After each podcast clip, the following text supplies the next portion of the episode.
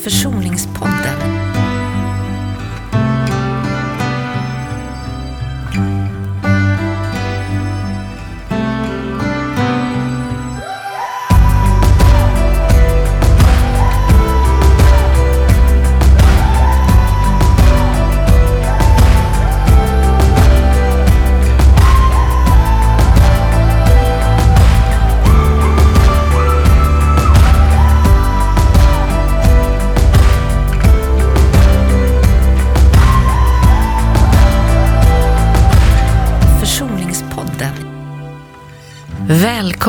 Försoningspodden. Jag heter Görel Fred och jag är psykoterapeut och föreläsare och handledare. Och jag har skrivit en bok tillsammans med journalisten Ulrika Hjalmarsson Neideman som heter Försonas med din barndom och kanske med dina föräldrar. Och till den här podden så har jag bjudit in ett antal kloka människor som jag har bett läsa olika delar i den här boken, olika avsnitt och komma hit och prata med mig om tankar som väcks hos dem kring eh, försoning och känslor och strategier för att nå fram i det här svåra ämnet. Och idag har jag bett Cecilia Wilhelmsson komma till mig. Hej Cecilia, välkommen. Vem är du? Hej, eh, jag heter Cecilia Wilhelmsson, 47 år gammal, eh, socionom, familjeterapeut och jobbar som familjebehandlare inom socialtjänsten i Gävle. Vad gör du då? Jag jobbar med familjer eh, som har kommit i kontakt med socialtjänsten på grund av att deras barn far illa på ett eller annat sätt. Okej, och så jobbar ni med föräldraskapet kring det? Ja, precis. Ja. Föräldrastödjande mm. behandling. Okay. För att komma, och då hamnar vi väldigt ofta i deras egen barndom. Vad de har med sig som gör att de påverkar eh, sina barn. Mm. Mm. Intressant jobb. Jättespännande. Mm. När jag bad dig komma så, så tackade du väldigt sådär villigt ja, vilket jag blev glad över. Men vad har du, när du tänker på det här med försoning och det i det här ämnet som, som gjorde att du ville komma, vad, vad är det som vad är det du tänker om det här ämnet generellt innan vi går in på dagens ämne? Alltså det jag tänker, och jag tror att det handlar om att det, det, är så mycket som är beroende av det här med försoning på något sätt. Alltså det blir sådana stora konsekvenser av att inte försonas, att, att älta, att fastna.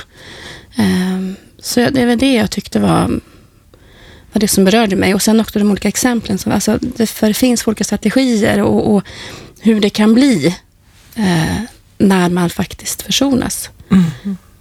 Vad tänker du, det kanske är givet, men det är så spännande att höra vad du tänker om det. Vad tänker du att händer om man fastnar? Du sa det, om man fastnar. Ja, precis. Jag tänker att man inte, man inte ger sig själv chansen att få det liv som man skulle kunna få. Eh, genom att, att vara kvar och, och sitta fast. Som, det blir som något tuggummi. Liksom. Mm. Man kommer inte vidare eh, och det ställer till det väldigt mm. mycket. Mm. För vi ska ju prata om det här med olika försoningsstrategier, Cecilia. Eh, och eh, ja, vi skriver i den här boken att eh, det där, de här olika strategierna, de kanske inte är något som man direkt väljer som man väljer en vara i en affär. Mm. Vilken, vilken försoningsstrategi passar mig, så att säga. Utan, utan livet brukar ofta välja åt den. Och innan vi går in och pratar om de här tre olika försoningsstrategierna, vad tänker du om det? Att det här är ingenting man väljer fritt, utan livet väljer åt den. Hur, hur tänker du om det? Att jag säger så? Man kan få hjälp i att försonas. Mm. Eh, att, att man pratar med någon, att man, man eh, någon som hjälper en att komma på det här, men okej, skulle man kunna tänka så här? Mm. Men det, kan, det, jag tänker att det är också lika vanligt att, att man, man hamnar i, de här, alltså i det här på något sätt. Man har inget annat val helt Nej, det är det för att livet menar. ställer till det på precis. det ja, precis.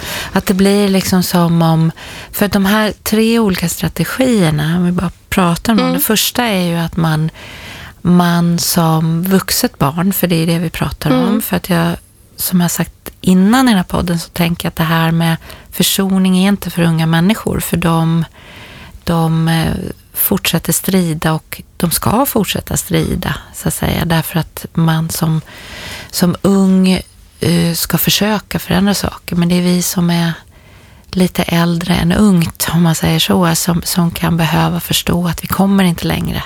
Alltså om vi, det där du sa, vi stannar i tiden eller vi mm. får inte det liv vi behöver om vi mm. inte hittar ett sätt att förhålla oss. Mm.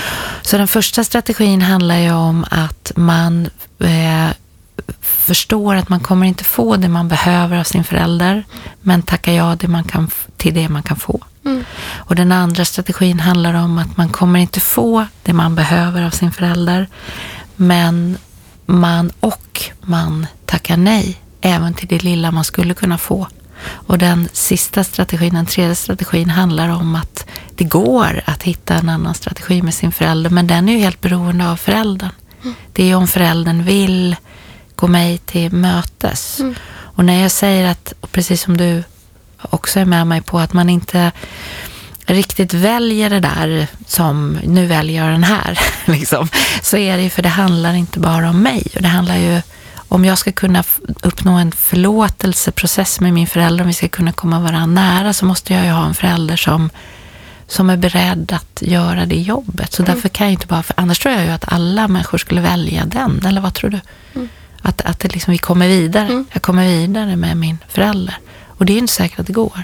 Nej, och jag tänker att den strategin kändes att ja, det är nästan lite Askunge, äh, inte Askunge, det är nästan ett lyckligt slut. Liksom. Ja, eller hur? Eller hur? Det lyckliga rosenskimrande slutet. Ja. Men jag tycker att även de andra två är lyckliga på sitt sätt. Oj, vad spännande. Säg, hur, hur tänker du då? Alltså, ska, vi ta, ska vi ta en strategi i taget? Mm, eller hur vill du prata om det? Ska vi göra det? Om man mm. tar den där strategin med att man man förstår, man, man kommer till ro med, eller man ska säga, att den här föräldern kommer aldrig riktigt att ge mig det jag behöver, men jag tar det jag kan få ändå. Mm. Hur tänkte du om det när du läste om det eller när du har funderat över det?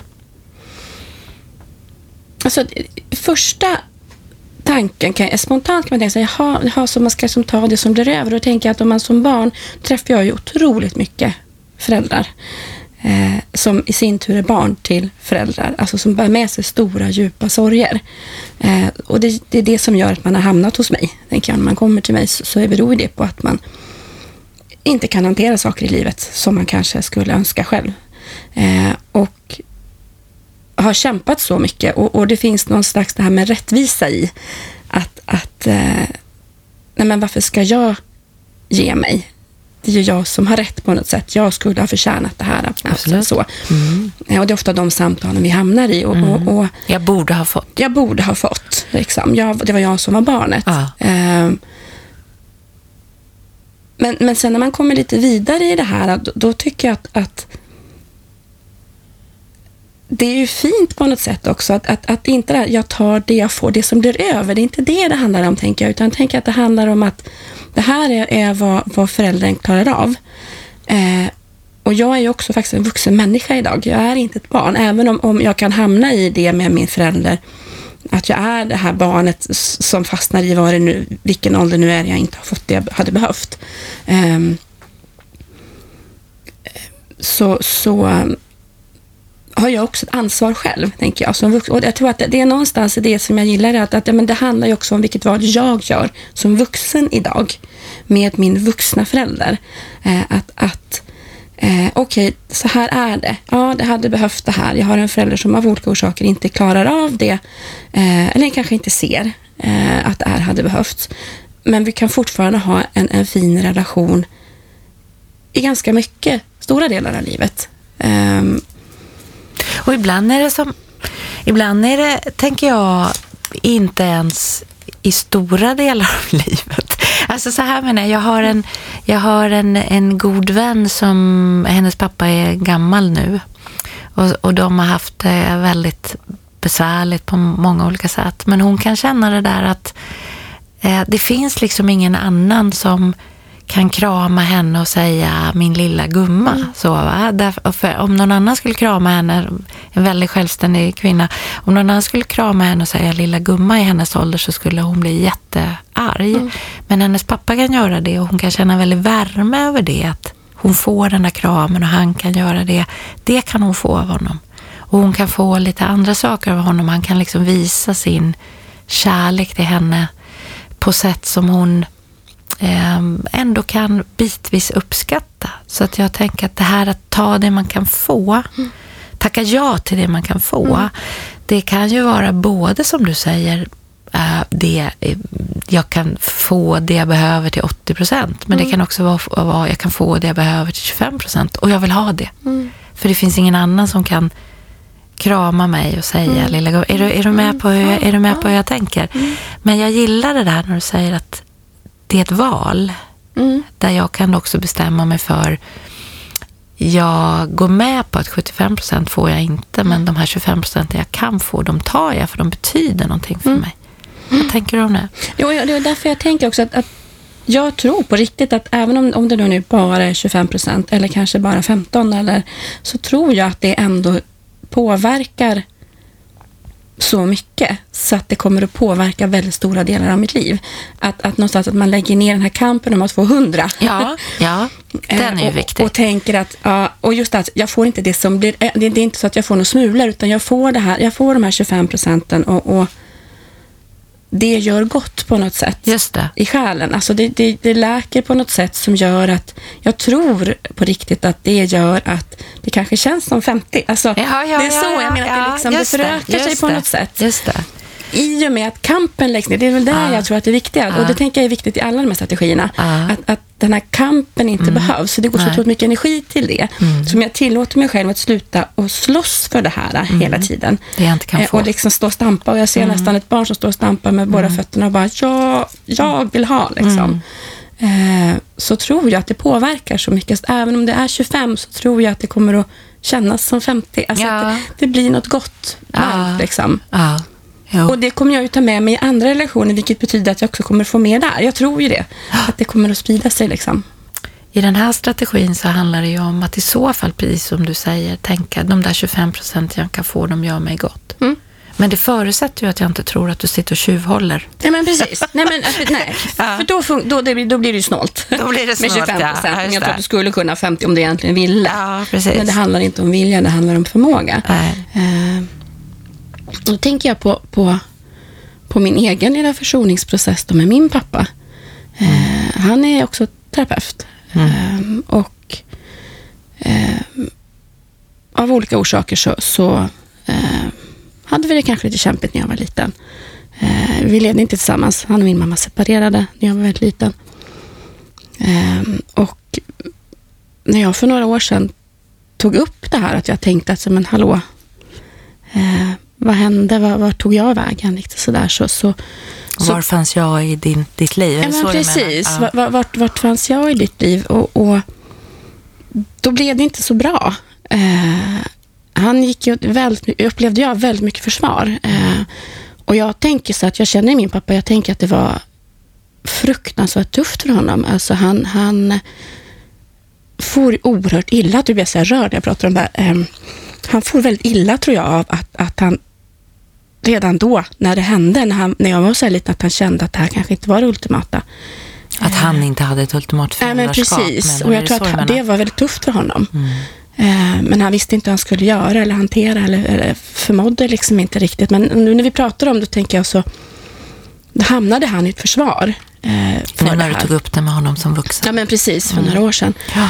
Eh, och, och någonstans så, så tror jag att jag bestämde mig för jag hade en ganska hetsig diskussion i, i ett par timmar om det här.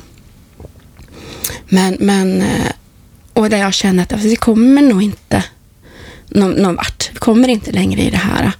Det går inte att nå honom i det? Nej, ja, precis. Och jag tänker också att jag märkte att det var en stor sorg hos honom. Det är inte ja. det och, och att, att, det liksom... Eh, men, men och där bestämde jag mig nog för att nej, men alltså, vi kommer inte längre i det här. Jag har, jag, jag har sagt i alla fall hur jag tänkte och upplevde det. Eh, och sen blir det kanske också lite det här, kanske lite mera jag var kanske inte så jättevuxen i alla mina kommentarer och så, men man hamnar ju lätt i den här affekt. Liksom sådär. Men, och jag tycker nog att, att vi efter det, båda två, eh, är väldigt varsamma med varandra. Alltså det är ömsint. Det är... Eh, jag vet att han vet att jag vet. Han, han, han vet vad jag tänker eh, och hur jag tyckte att det var. Och han vet att jag vet att han önskar att han hade kunnat gjort mer. Mm. Eh, och det här har gjort att det liksom växer på något sätt. Jag, jag upplever det. Jag, jag tycker att, att vi har... Eh, det är... Hur ska jag beskriva det? Det är... Jag, jag tycker att jag la ner kampen eh, och det var också vidsamt för honom.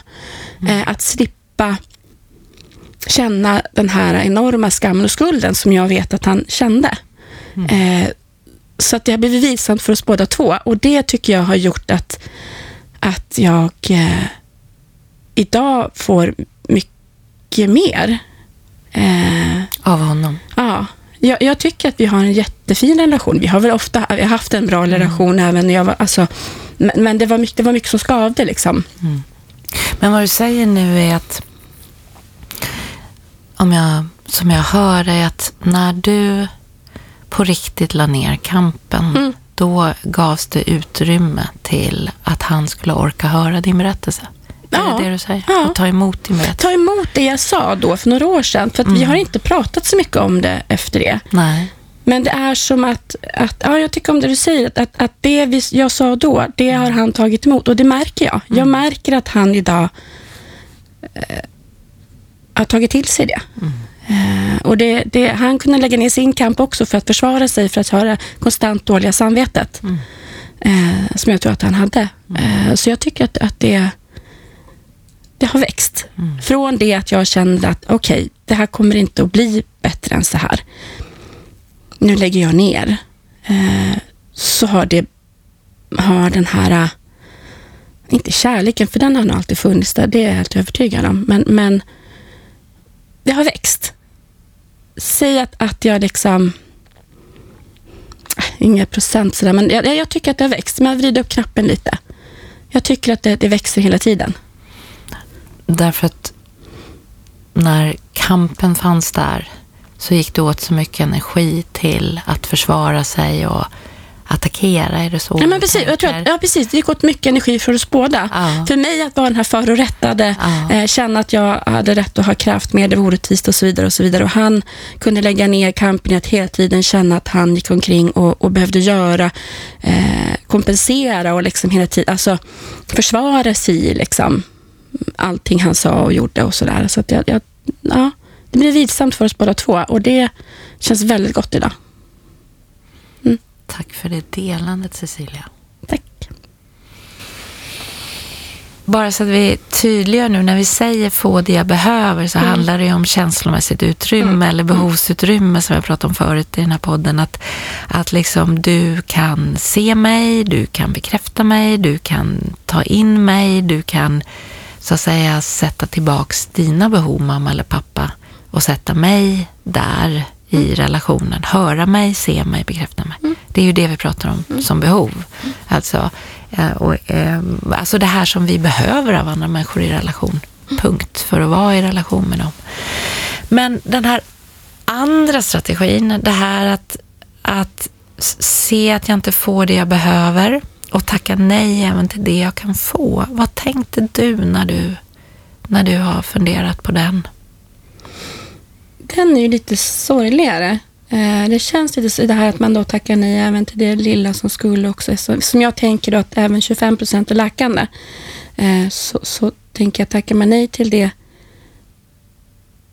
så får man ju och det, det är så otroligt läkande här relation mellan barn och föräldrar, tänker jag. Ehm, men, men jag tänker att där också handlar det om att lägga ner kampen och att om jag då som person som, eller som vuxet barn idag tänker att nej, men alltså, nu lägger jag ner kampen. Jag, jag, det, här, det här är vad det är. Det handlar inte om mig. Eh, och det, det, det, handlar kanske inte ens om den här föräldern. Därför att den här föräldern har själv varit ett barn som kanske har fått extremt torftigt gensvar. Så det finns bara inte där. Eh, det finns inte någon förmåga. Eh, och, och, att då som barn fortsätta att kämpa om det här med sin förälder, det, det kräver så enormt mycket kraft och energi så att, att um, bara lägga ner den kampen gör att, att jag läker. Mm. Det tror jag också. Och det här, jag tycker det är så bra när du säger så här, varför skulle man då tacka nej till de här, det man skulle kunna få? Svaret på det är väl därför att kostnaden mm. för att få det är så pass väldigt mycket större. Jag har en annan vän som sa en gång så här, min mamma har tagit ut allt på kontot och även belånat det som inte fanns där. Mm. Och för att jag ska kunna ge henne någonting så måste hon sätta tillbaks någonting. Alltså jag tror att det kan vara så för vissa vuxna människor att umgås med sina föräldrar kan vara så extremt energidränerande. Därför att det är det är så mycket och ja då och ja då och så lite ja då också. Mm. Alltså, eller, eller annan form av, det kan ju vara jättemånga olika saker, men alltså jag orkar inte längre vara den som ska vara din kurator eller din mm. mamma, fast du är min mamma eller pappa eller, eller ha dina krav på mig eller alltid bli förhörd av, alltså känna mig misslyckad i dina ögon, så att säga. Alltså det, det lilla jag får eh, väger inte upp det. Och det här är ju inte, tänker jag, jag tror att den här strategin, den tror jag, uh, den, den, den går du inte in i utan att verkligen ha försökt någonting annat. Vad tror du? Ja, men jag, håller, jag håller med. Jag tänker, och det är väl därför jag tänker att i första anblicken så låter det, ser det sorgligt ut. Att ja, men jag, jag, jag tänker inte ens ta det lilla jag kan få. Men, men det finns något, ändå något läkande i. Alltså för att det handlar om så enormt mycket energi som går ut åt till det här. Jag tänker att får man verkligen ingenting, då, då, då kommer jag heller inte vidare om jag inte lägger ner. Alltså att det blir att, att eh, Ja, jag, jag, kan inte beskriva det på något sätt. Det, det, det, går åt så fruktansvärt mycket energi. Och Jag tänker att det är så många människor som, som fortsätter att kämpa för det här hela tiden. Eh, att få något. Att få något mm. hela tiden. Och det går så himla mycket energi. Mm. Och, och, och, för de som, som då lägger ner, och, och då mm. tänker jag också att, att inte lägga ner det här på trotsigt sätt. Att ah, nej, nej, då skiter jag väl i det här då. Mm. Då kommer jag ändå inte få någonting. För då, mm. då är det ju inte på riktigt. Då nej. har man ju inte faktiskt släppt det. För det är fortfarande det här lite trotsiga. Nej det står ju också det här med att jag ska straffa på något sätt. Ja. Liksom, att, att, nej, men för då, är det inte, då har man inte lagt ner kampen. Det, det, här lugnet som jag tror kommer av att faktiskt lägga ner kampen mm. eh, gör, tror jag, att, att man kanske kan se på sin förälder kanske inte på en gång, men, men efter några år, 10, 15, jag tänker lite längre tid, man kan se på sin förälder och tänka att okej, okay, det var så här det var. Mm. Att man kan se sin förälder inte som den som, som, som tog så mycket från mig, utan som, ja men det här var, det funkade, gick inte på något annat sätt. Mm. Uh, och jag ja. tror, eller hur, att man behöver ju också ha gått några varv med att sluta tro att om jag hade varit ett annat barn så hade det gått och så, för det tror ju inte jag, som mm. jag också pratat om i ett tidigare avsnitt här. Jag tror ju inte så, utan den föräldern som inte inte har förmågan av massa olika orsaker att, att, att få det här barnet att känna sig eh, sedd och älskad överhuvudtaget. För vissa, för, eller hur Cecilia, det har ju både du och jag mött som människor som verkligen inte har gjort det. Mm. Alltså det har varit, de har verkligen inte gjort det. Och det jag kan bli vred över faktiskt, det är när man eh, går in och har synpunkter på de människorna som väljer att bryta då. Mm. att man eh, vet att de inte borde det, eller det är väl ett himla sätt, och med en gammal mamma och så här. Va? Därför att jag tänker att eh, om man väljer att bryta så är det ganska ofta så, i min erfarenhet, att man har, man har hållit på med en väldig kamp för att hitta en annan strategi. Mm. Man vill helas, man vill vara i relation. Det här är ju vårt ursprung, det här är ju de som har liksom sett till att vi finns på den här jorden, mm. så att mm. säga. Mm. Det är ju väldigt existentiellt. Mm. Och jag vet inte om du håller med mig om det, men jag, jag tror ju liksom att vi är så beredda att gå våra föräldrar till mötes och förstå dem och förlåta dem och eh, begripliggöra dem på massa olika sätt. Så om jag säger så här, jag kan inte, alltså, det här kostar för mycket. Mm. Jag hamnar alltid i känslan av att jag duger inte, jag, jag är misslyckad, jag är ba, ba, ba, ba, ba, ba. För det gör ju vissa människor med sina mm. föräldrar. Mm. Så, så tänker jag att man, eh, man ska låta bli att moralisera över de människor som har kommit till det. Mm. För det kan vara väldigt sorgligt. Vem vill inte ha det bra med sina mm. föräldrar, eller hur mm. Cecilia? Men har du märkt det här som jag ibland har märkt, att folk just skammar, att man då har kommit fram till, jag måste skydda mig därför det tar så mycket energi. Har du varit med om det? Ja, alltså det, ja men det kan jag se de familjer jag jobbar med framförallt då. Att, att de i alla fall, upp, i alla fall själva känner att, att de måste. Att det, det, är liksom, det är i alla fall min mamma eller min pappa. Mm. Så att, att jag... Eh, ja, att... att eh, och det tror jag nog också att, att, att jag tänker efter nu så att jo, men där man har fått kommentarer också. Ja, men här, så här kan du inte göra och liksom, ja, men du får väl inte. Och, eh, ja, men det var ju det här är 20 år sedan, du kan ju inte och sådär. Och att de känner sig tvingade verkligen och att det är eh, det sliter ju enormt. Alltså jag tänker att det, det är ju det är skadligt alltså. Det, det är, Vad är skadligt, tänker du? Jag tänker, för, för, då, för då gör de ju ännu mer våld på sig själva. Mm. Det tar så fruktansvärt mycket mm. energi, mm. själsligt, mm. eh, att ändå då finnas där och, och, och fortsätta att alltså, vara hos den här föräldern. Eh, och så då dessutom känna att, att jag måste göra det här. Det blir ju ännu mera våld på sig själv. Liksom. Och ännu mer skadligt. Mm. Att det... man dessutom inte får välja själv på något sätt. Mm. Att, det är så det upplevs. Att mm. man, ja, men jag måste göra det här. Liksom. Annars är jag en ond människa. Mm. En ond dotter eller mm. son. Mm. Jag vet faktiskt en, en terapi jag hade för länge sedan med en eh, kvinna som hade blivit våldsamt kränkt av sin mamma och styvpappa på massa olika sätt. Eh, och hon kände verkligen att hon hade inget val. Och det här var vid jultid. Och det var häftigt, va? för då så hjälpte hennes vuxna son henne genom att säga, okej okay, mamma, nu får du välja. Det är mormor eller jag. Du mår så dåligt och du faller sönder så mycket och du liksom eh, ligger och skakar på sängen efter ni har varit, när hon har varit hos oss. Så om mormor, om du bjuder mormor på jul så kommer inte jag. Och det här blev ju världens kris och de kom till mig och, och hon kunde så att säga ändå, hon kom med sin vuxna son och hon kunde se att vad han, vad han gjorde det var en kärlekshandling i att försöka skydda henne mm. på det sättet som man då skulle kunna säga hon själv inte tyckte att hon hade rätt att skydda sig från. Mm. Därför att idén om att man är extremt egoistisk om man säger jag kan faktiskt inte. Den, det, jag tror inte på det. Jag Ja, det är inte min erfarenhet som familjebehandlare och familjeterapeut att barn är extremt egoistiska. Jag tycker att de ofta har försökt in i kaklet mm. att få till bra relationer på olika sätt. På olika sätt, alltså genom att på olika sätt försöka komma mm. i kontakt. Är det mm. din erfarenhet?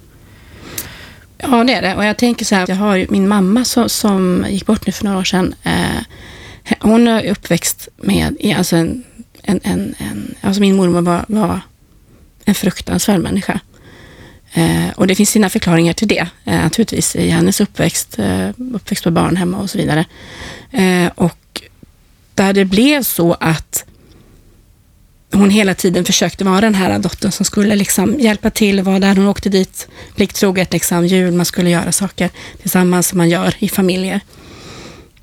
Eh, men, men när, när jag kom så ville hon skydda mig. Eh, så att, att åkte hon och hälsade på eh, sina föräldrar, då, min mormor och morfar, då, så, så, lämnade hon mig hos min farmor och farfar. För hon ville inte utsätta mig för min mormor. Eh, och sen när jag blev lite äldre, så fick hon min lillebror också, då, då valde hon ju att, att inte ha nästan någon kontakt överhuvudtaget. Eh, hon hade kontakt med sin pappa, min morfar alltså. Eh, men, men inte så mycket med mormor. Och hon, jag, tycker, hon, han, jag upplevde inte att hon blev skammad i det. Eh, utan det var någonting hon la på sig själv i så fall om hon hade dåligt samvete. Men min morfar gjorde inte det. Han, han visste. Han förstod liksom att det här går inte. Eh, men det som hände sen är ju då att, att det hade gått flera år. Eh, det som händer sen är att min mormor blev svårt dement eh, och hamnade på ett boende. Och blir helt personlighetsförändrad, vilket ofta händer tydligen. Eh, och då följde min mamma med till sjukhuset med min morfar.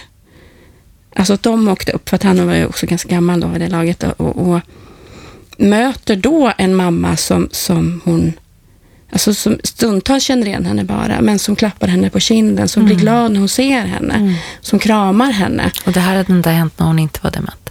Nej, nej, aldrig, aldrig, aldrig, aldrig. aldrig. Och, och, och där, där, det jag säger, men alltså hur kan du ens åka dit? Hur orkar du liksom? Mm. Och det hon sa, nej fast nu, det är något annat. Apropå det här med att ta lite vad man får, som var den mm. första strategin, att, mm. att det här var så, jag vet att hon inte känner igen mig riktigt, men bara det här att få en klapp på kinden, mm.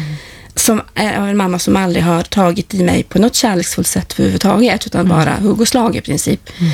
så gjorde det ändå att, att ja, men det, det var liksom gott på något sätt. Eh, hon kände sig inte tvingad heller, vill hon ju också säga. Att, att hon gjorde det, hon följde med sin pappa dit för att han mm. tyckte att det var jobbigt att åka dit mm. för att den här kvinnan hade levt med i så många år var så sjuk. Mm. Eh, men hon fick någonting på köpet i det mm. också. Mm. Eh, men hon valde under många år att ta avstånd helt för att, för att eh, skydda mig och sen eh, min bror då. Och skydda sig. Och skydda sig. Så demensen mm. Eh, släppte fram något som hade varit instängt i hennes mamma, kan ah, man tänka så? Ja, ah, precis. Och då, då tänker jag så här att det, det kan man ju, så kan man ju tänka, att där längst in så finns det en person som inte vill göra mig så här illa. Men, men eh, när man har en förälder som, inte, som aldrig förmår att ta fram den mm. personen, så, så har man inte ansvar, tycker jag, mm. att gå med på vad som helst. Nej. Men det här är ju en ganska stark föreställning. Och jag tror mm. att det är ganska många människor som har skam över att de väljer att eh, bryta.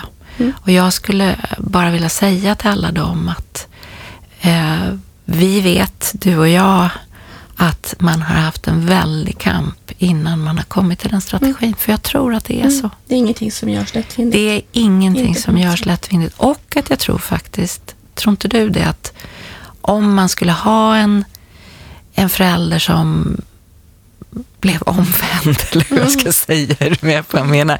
Som liksom, nej men herregud vad jag har varit egocentrisk och mm. vad jag inte har sett mitt barns perspektiv. Så tror jag, för samma väninna, hon som jag berättade om, min, min mamma har tagit allt, mm. allt på mitt konto och är belånat henne. Hon sa en gång till mig att det är faktiskt så här, Görel, att, att om mamma skulle ringa nu och säga så, alltså Lisa som vi kan mm. kalla att hon heter, fast hon inte heter det.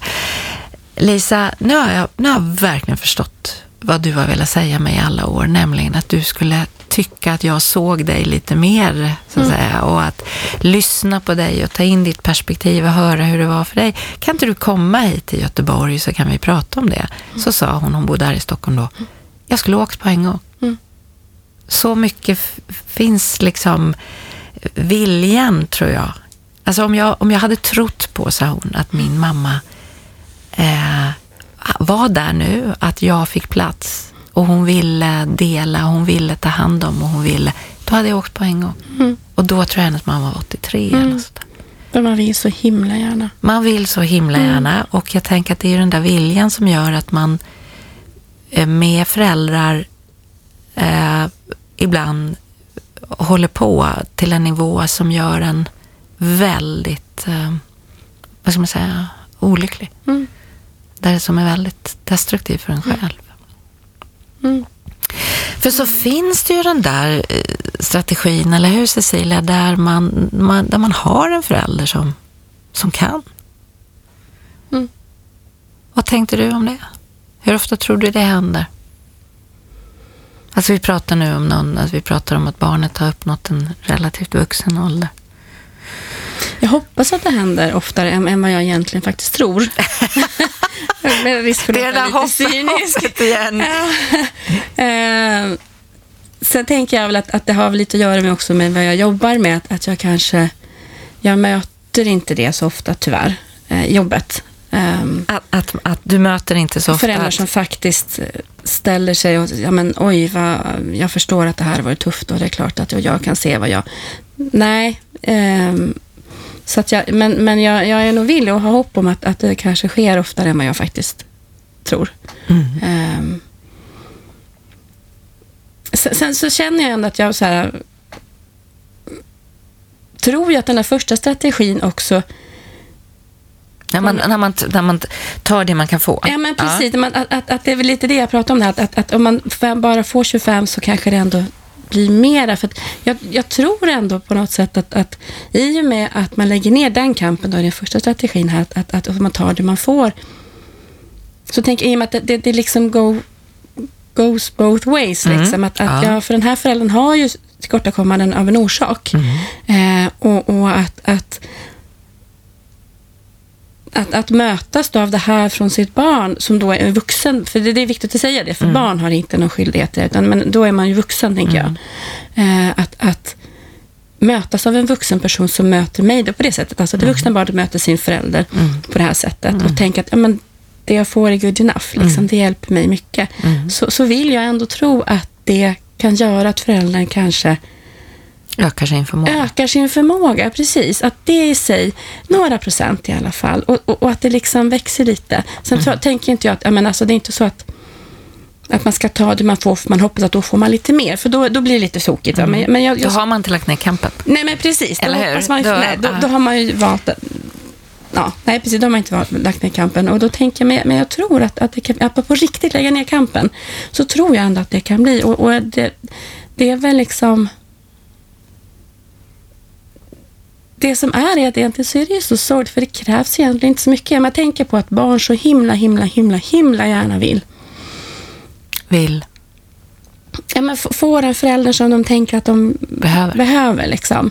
eh, så tänker jag att det behövs så himla lite från föräldern för att, alltså missförstå mig rätt nu lite, men alltså att, att föräldern faktiskt, mm, jag hör vad du säger. Mm.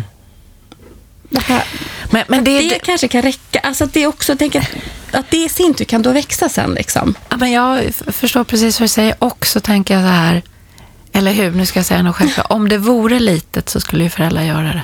Ja, precis. Alltså det är ju för att det inte är litet. Nej. Det är ju svårt för att det är svårt. Det är mm. för att jag, jag kan verkligen inte. Mm.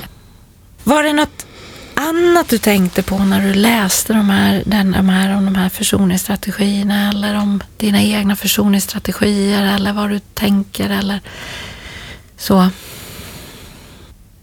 Eh, det är någonting som, som jag tänkte, så här, eh, ett, ett ord som jag tänkte, så här, någon slags tomhet och då tänker jag inte, alltså när man har, även om, oavsett om man har tagit det man får eller vält, valt bort det man, lilla man kan få. Eh, att det skulle kosta för mig. Ja, men precis. Så, att, att, att, och, och, så, så, när kampen läggs ner så blir det någon slags tomhet för att det har gått så mycket energi mm.